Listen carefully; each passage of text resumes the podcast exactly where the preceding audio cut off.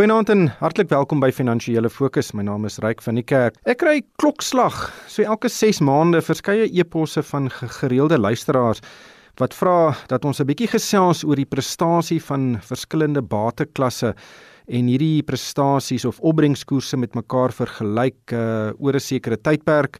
En vanaand gaan ons 'n bietjie gesels oor die opbrengste van uh, aandele en eiendom, kontant en kommoditeite die afgelope 6 maande sedert die begin van die jaar. Ons het natuurlik baie politieke woelinge gesien hier op plaaslike bodem. Uh, baie politieke woelinge internasionaal vir al hierdie handelsoorlog tussen Donald Trump en China en dit het 'n groot impak gehad op ontleikende markte so ook die Amerikaanse rentekoersiklus wat uh omgespring het. My gaste vanaand is Narina Visser van ETF SA. Goeienaand Narina. Naand Reiker, goeienaand vir al die luisteraars. En om oor eiendom te gesels, meneer Eiendom Erwin Rode van Rode en Genote. Goeienaand Erwin. Goeienaand. Dankie Ryk.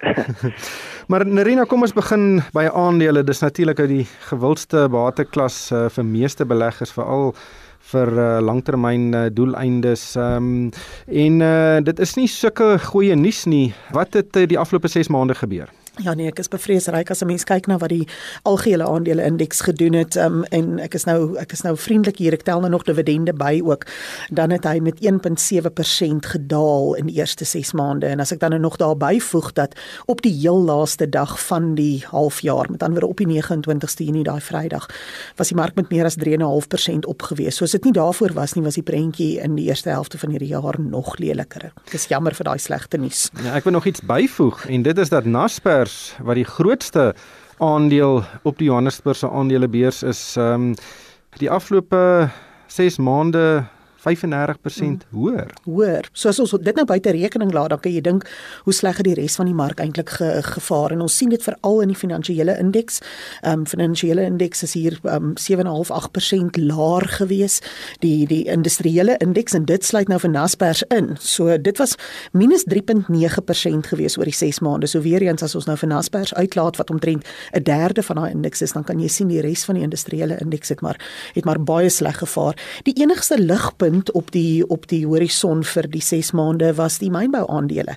Ehm um, as ons nou kyk na die breë ene of die oorhoofse ene wat eintlik maar grootliks gedomeineer word deur BHP Billiton, Anglo American, Sasol en so aan.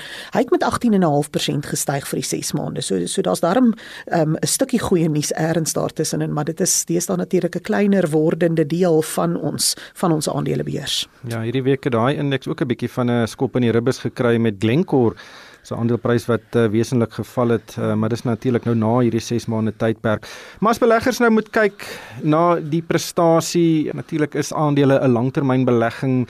Weet ons het sywaarts beweeg hierdie 6 maande, miskien heelwat uh, hange waarin jy belê het, slegte prestasie getoon het, negatiewe prestasie, maar in in wêreldterme, hoe verskil hierdie opbrengskoerse met wat aandelebeurse reg oor die wêreld uh, behaal het? Ek moet erken, bereik dit was maar 'n moeilike 6 maande reg oor die hele wêreld gewees. Jy weet as as ons kyk na iets soos byvoorbeeld die Dow Jones, jy weet, um, en en dit is in dollar terme het hy met 1.8% gedaal oor presies dieselfde tydperk. Die FTSE in in Londen, um 0.7% af oor dieselfde tydperk. Japan 3% laer. Um jy weet net die selfs as ons nou die die ontwikkelde lande uh, markte, die die wêreldindeks kyk, 0.7% laer en en selfs China 2.5% laer. So dit was regtig maar 'n moeilike 6 maande dink ek vir beleggers. En ons kyk nou basies net aan die soort van van die einde van Desember na die einde van Junie hier, ehm um, wat hierdie ook nie vir jou ordentlik teenwoordig nie, verteenwoordig nie is die is die wisselvalligheid wat ons binne daai 6 maande gehad het. Daar was regte groot op en af bewegings en ek dink dis die soort van ding wat vir beleggers baie ehm um, senuweeagtig maak. Jy weet vir alles mens gereeld ehm um, kyk wat wat uh, jy weet wat sê die radio, wat sê die koerant in terme van van aandelebeurse. 'n Mens kan regtig nogal 'n bietjie seesiek voel as jy as jy kyk wat ehm um, wat die skommelinge is van 'n dag tot dag basis. Maar soos jy heeltemal reg op oplet, hierdie is 'n langtermyn ehm um, uh, speletjie. Ek wil dit eintlik nie 'n speletjie noem nie, maar beleggings is iets wat vir die langtermyn ehm um, daar is en wat ek daarvan hou as ons so 'n slegte periode agter die rug het, is om dikwels mense te sê hierdie is eintlik maar 'n aandelebeurs wat met ander woorde nou op uitverkoping is. Jy weet as daar uitverkoping by die winkels is, dan storm ons almal ons gaan koop meer en ons behoort dieselfde instelling te hê teenoor langtermyn beleggings. Dit wanneer ons so 'n swak opbrengste gehad het, hierdie mark is op 'n uitverkoping, gaan gaan koop nou nog meer um, terwyl die pryse juis laer is. Ja, dis soos Isie Bagger altyd gesê het, uh koop goud en as goud val, koop meer. Maar nou ja, ek wil net vinnig uh daar's ook baie sektore wat uh, eintlik nie sleg vertoon het nie. In Amerika is die Nasdaq indeks wat 'n bietjie meer op tegnologie fokus, uh, amper 10% hoër vir die 6 maande tydperk en die S&P 500 uh, is net net positief so 2.5% op. So daar was individuele sektore wat beter gevaar het en en ek weet veral die die sogenaamde FANGs, die Facebook, Amazon, Google het reg ook goed gevaar in hierdie tydperk. Baie definitief. So jy weet jy het vroeër van Naspers gepraat en dit is ook maar 'n verteenwoordiging van die tegnologie sektor sektor wat so goed gedoen het. In die geval van 'n Naspers natuurlik kry ons dan nog die verdere ehm um, voordeel van die verswakkende rand wat ons gesien het. Maar ja, tegnologie is definitief 'n ehm, 'n sektor wat baie goed gedoen het. Ehm um, aan die aan die slegte kant is daar natuurlik die eiendomssektor wat geweldig sleg gedoen het en ek weet ons in Suid-Afrika ons gaan gaan kyk daarna binnekort. Maar weet jy, dit was ook 'n internasionale prentjie geweest veral in Januarie en Februarie hierdie jaar nadat die Amerikaanse rentekoerse ehm um, daadwerklik vinniger begin styg het. Is die die eiendomssektor eintlik die ene wat wat by verre die grootste negatiewe impak ervaar het. Ja, die SAPI indeks wat natuurlik eiendom meet op die Johannesburg se aandelebeurs 20% laer, grootliks vanweë die probleme by Resilient. Maar Erwin Erwin Rode van Rode Ingenote, meeste mense se huise waarin hulle bly of wat hulle sommige mense het ook beleggingseiendomme, maar grootliks gefokus op residensiële eiendom het uh, ook nie veel beter gevaar nie. Wat is jou indrukke van die eerste 6 maande se opbrengste daar? Weet jy, uh eh, reg, dis nie heeltemal so sleg nie, hoor. Ehm um, jy moet onthou dat uh die totale opbrengs van 'n bate bestaan uit twee dele en dit is jou inkomste opbrengs en dan jou kapitaalopbrengs natuurlik, die twee gesamentlik, die som daarvan. En uh, wat betref uh, eiendom, dis een van die voordele van eiendom is dat jou inkomste opbrengs is is redelik hoog voor belasting.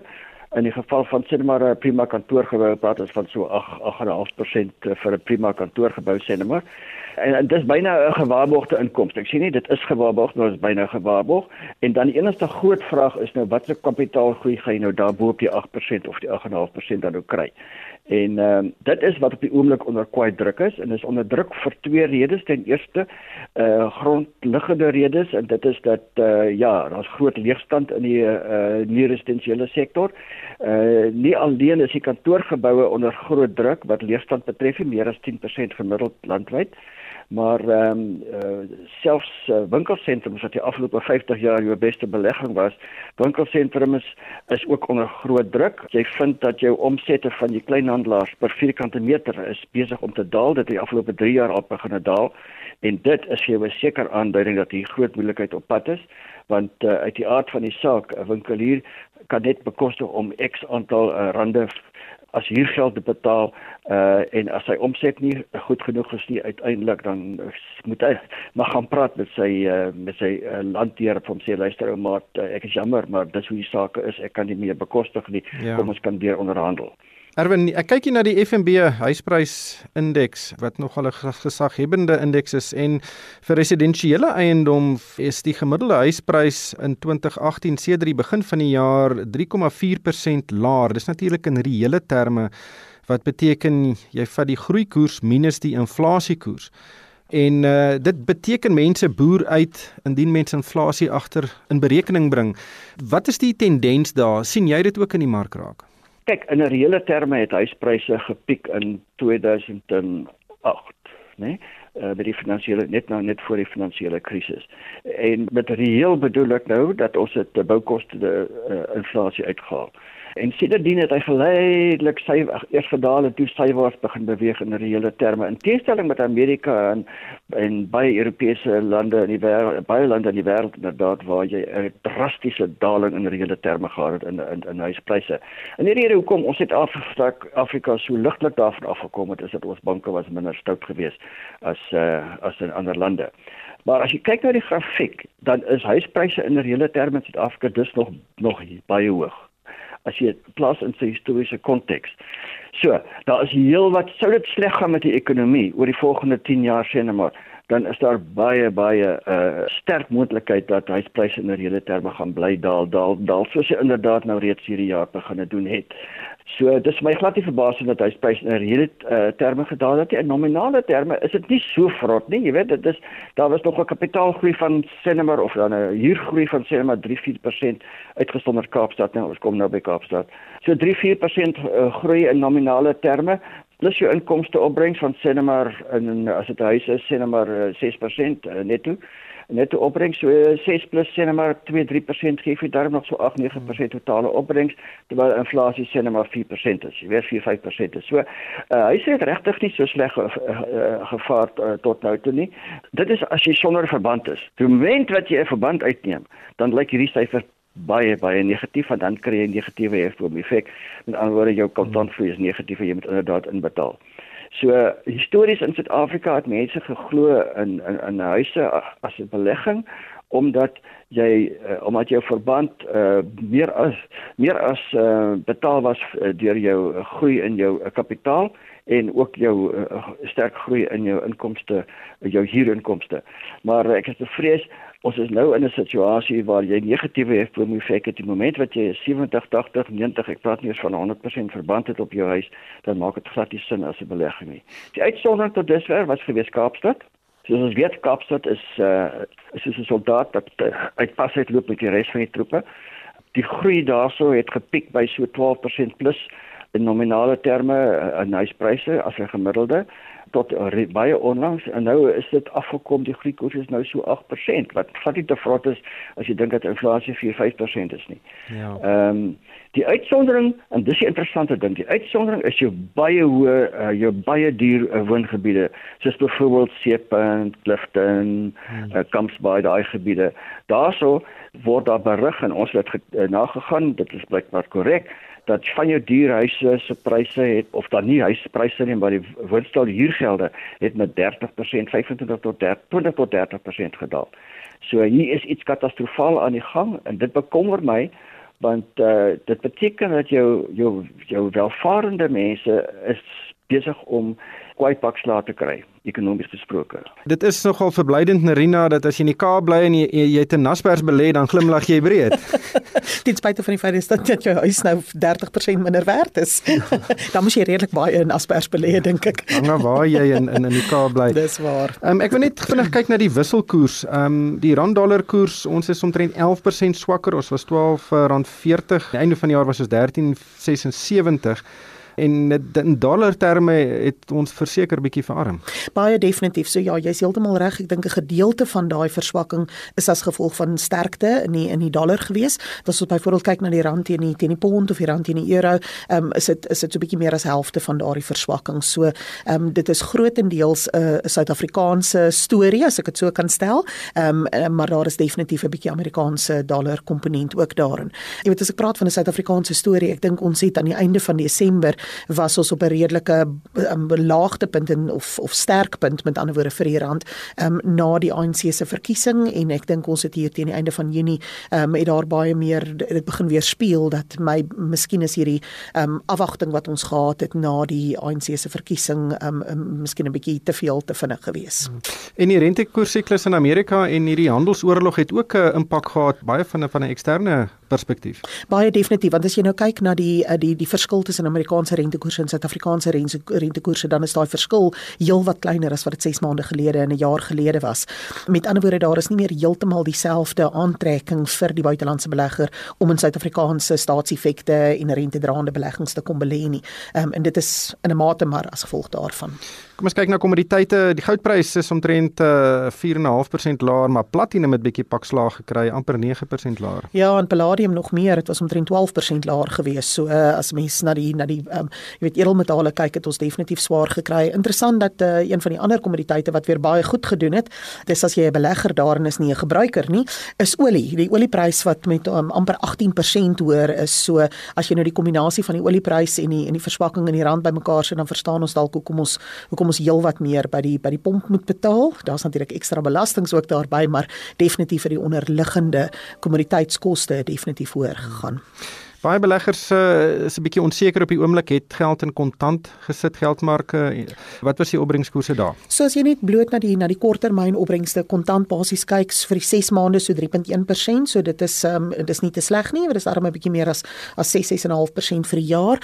Um staatseffekte net spesifiek um staat staatseffekte 3.3%, maar as jy die die um uh, SOEs, die wat die jou jou um ander um effekte ook bysit, het ons maar amper 5% opbrengs gehad vir die 6 maande. So dit was uh, jy was definitief in die afgelope 6 maande beter daarin toe as jy in in vaste rentebeleggings belê het as in as in um, gewone aandele, maar um, ek dink ons sit dalk vir eers nou die beste van van daai prentjie gesien.